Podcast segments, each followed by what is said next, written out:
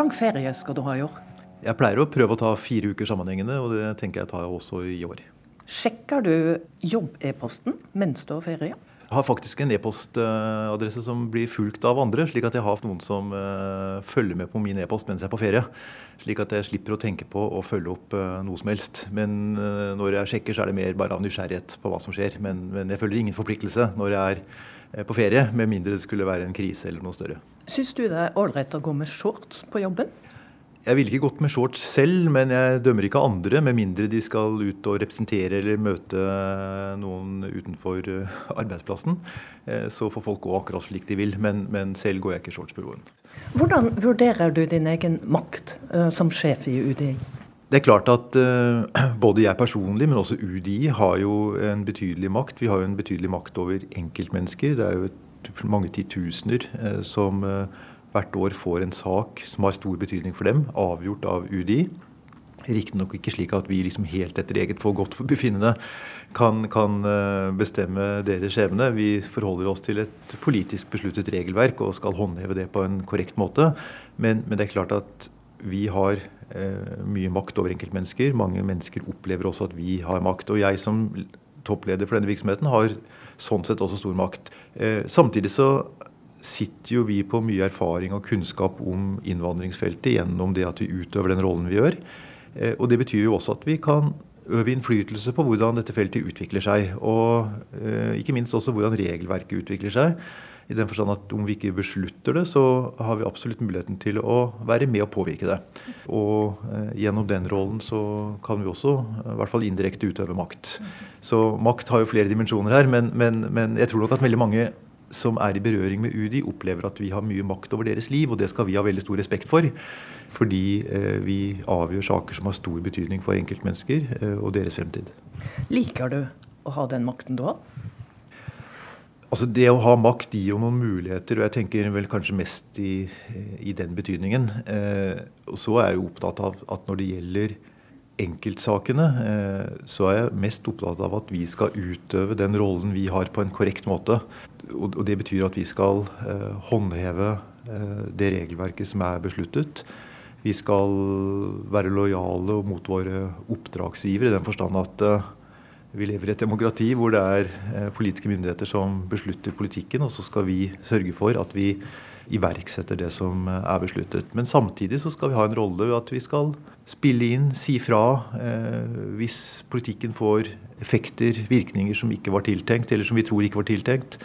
Så er det viktig at vi sier fra, slik at det er muligheter for å korrigere det. Der har vi også et ansvar. Eh, det kan være makt, men det er også et ansvar å sørge for at vi bruker den erfaringen, de erfaringene vi har, eh, til å påvirke hvordan dette feltet utvikles.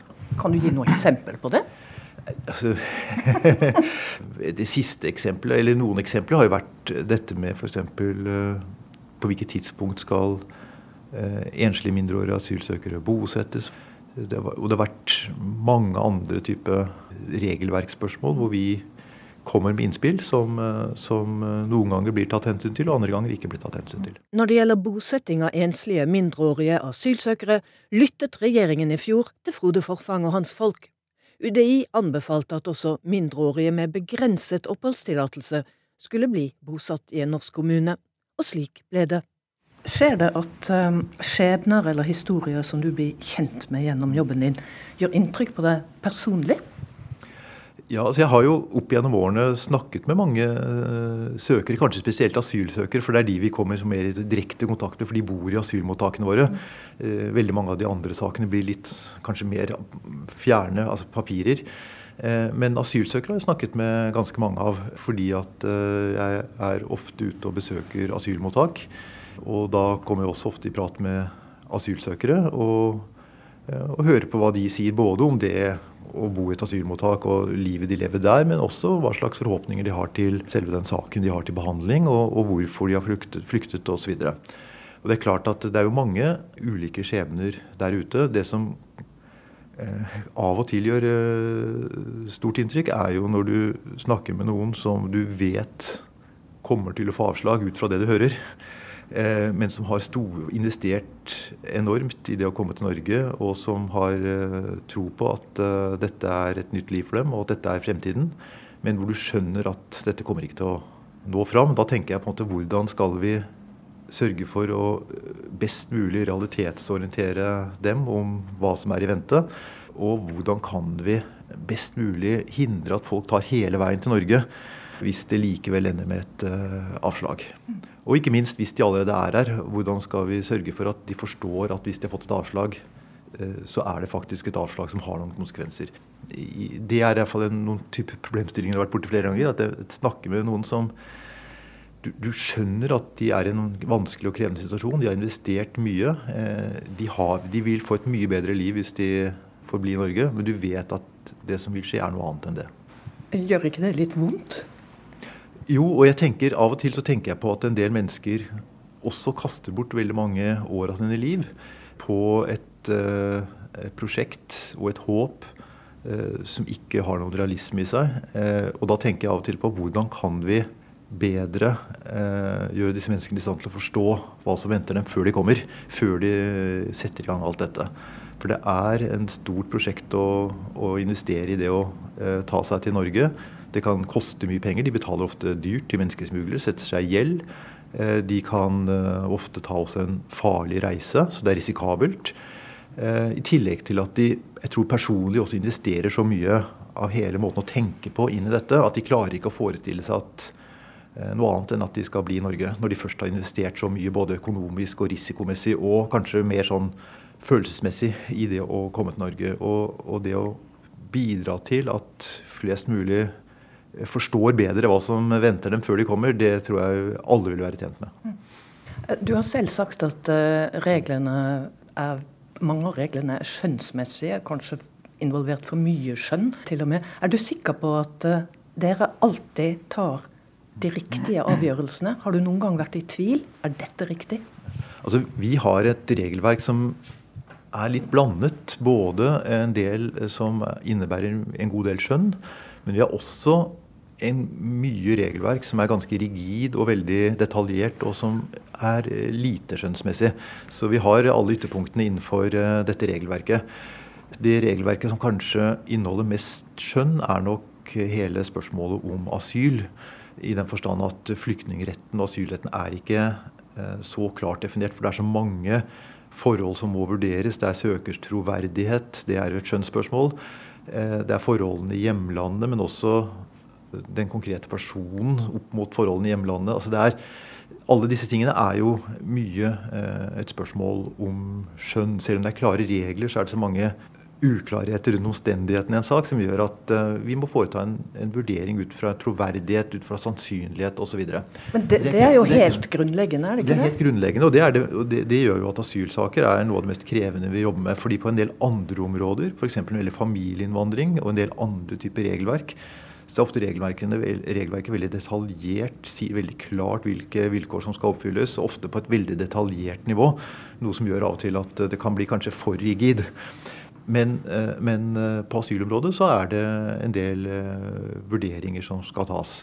Som, og særlig dette med troverdighet f.eks. kan være en krevende vurdering å ta. Men det er klart at vi legger jo inn noen sikkerhetsmarginer her. slik at det er ikke sånn at eh, vi tar ting helt ut av løse luften og lander på et eller annet tilfeldig konklusjon. Og, og våre saksbehandlere har jo erfaring med å utøve dette skjønnet, og de har jo en del retningslinjer for hvordan skjønnet skal utøves også.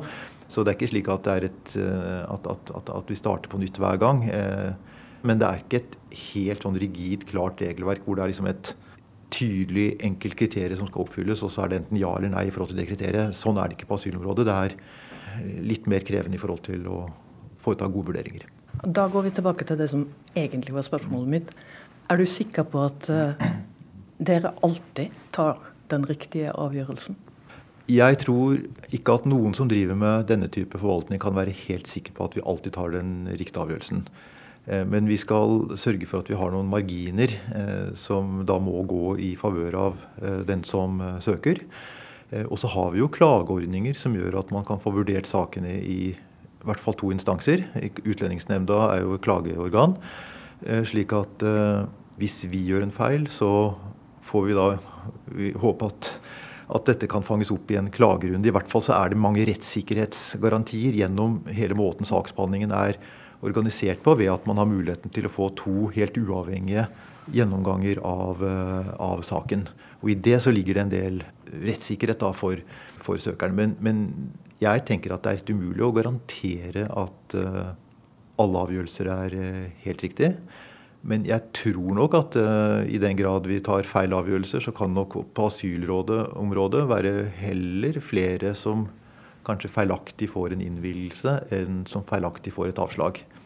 Et avslag blir prøvd i flere runder. En innvilgelse blir jo ikke påklaget og blir jo ikke prøvd flere ganger. Så der, allerede der ligger det en større risiko for feil. Eh, pluss at sikkerhetsmarginer gjør at, eh, at, eh, det nok er en større risiko for at noen som kanskje strengt tatt ikke burde fått opphold på asylområdet, får det, enn at det motsatte skjer. Det er få områder innen politikken som verker så sterke følelser som asyl og innvandring. Frontene er steile, ordbruken ofte kraftig. Frode Forfang har sagt at noe av UDIs regelverk er i overkant detaljert. Vi spør om det skyldes politikere som blir litt for styringsivrige. Ja, men det er, det er, noen sånne egne mekanismer som gjør seg gjeldende på dette feltet. Jeg kan bare nevne et eksempel. og det er at uh, La oss si at du har en problemstilling hvor det dukker opp en enkeltsak som framstår som urimelig, og som politikerne f.eks. ønsker å endre regelverket i forhold til. Regelverket gjør at en person får avslag, og kanskje politikerne tenkte at ok, her var det urimelig. Uh, vi burde innvilge en sånn type sak. Så ser man da på la oss si, lov eller forskrift og skal prøve å fange opp denne saken så er nok politikerne veldig bekymret for at de skal åpne opp for mye, liberalisere for mye. slik at de vil ikke at veldig mange flere skal få opphold pga. en endring av regelverket, men de vil gjerne at akkurat den saken som har vært oppe og vært fokusert på, den skal kunne fanges opp av et nytt regelverk. Og da løser man ofte det problemet ved å endre regelverket på en slik måte at det skal i hvert fall fange opp akkurat den saken, men helst ikke så veldig mange andre. Og Det er et fenomen jeg har sett på innvandringsregelverket gjennom mange år. At eh, det har vært gjort endringer av regelverket ut fra den type motiver. Bare for å ta f.eks. sånn som Maria Amelie-saken. Eh, som fikk enorm oppmerksomhet, og hvor man gjorde noen justeringer i regelverket for å fange opp fremtidige saker. Da lagde man det akkurat slik at det fanges opp den saken, men så få andre saker som mulig. Og det er klart at eh, Når du over tid gjør sånt på regelverkområdet på flere områder, så eh, utvikler det seg et veldig detaljert regelverk og veldig detaljerte vilkår. Eh, og når det lages unntaksbestemmelser f.eks. For, for å fange opp noe som har vært urimelig, så blir de unntaksbestemmelsene ofte veldig snevre. Slik at det skal fange opp noen saker, men så få som mulig. Den type mekanismer har det vært veldig mye av på utlendingsfeltet. Og når du, når du da eh, summerer opp hvordan regelverket da blir seende ut etter at det har vært gjennom mange sånne runder, så kan det fort bli veldig detaljert.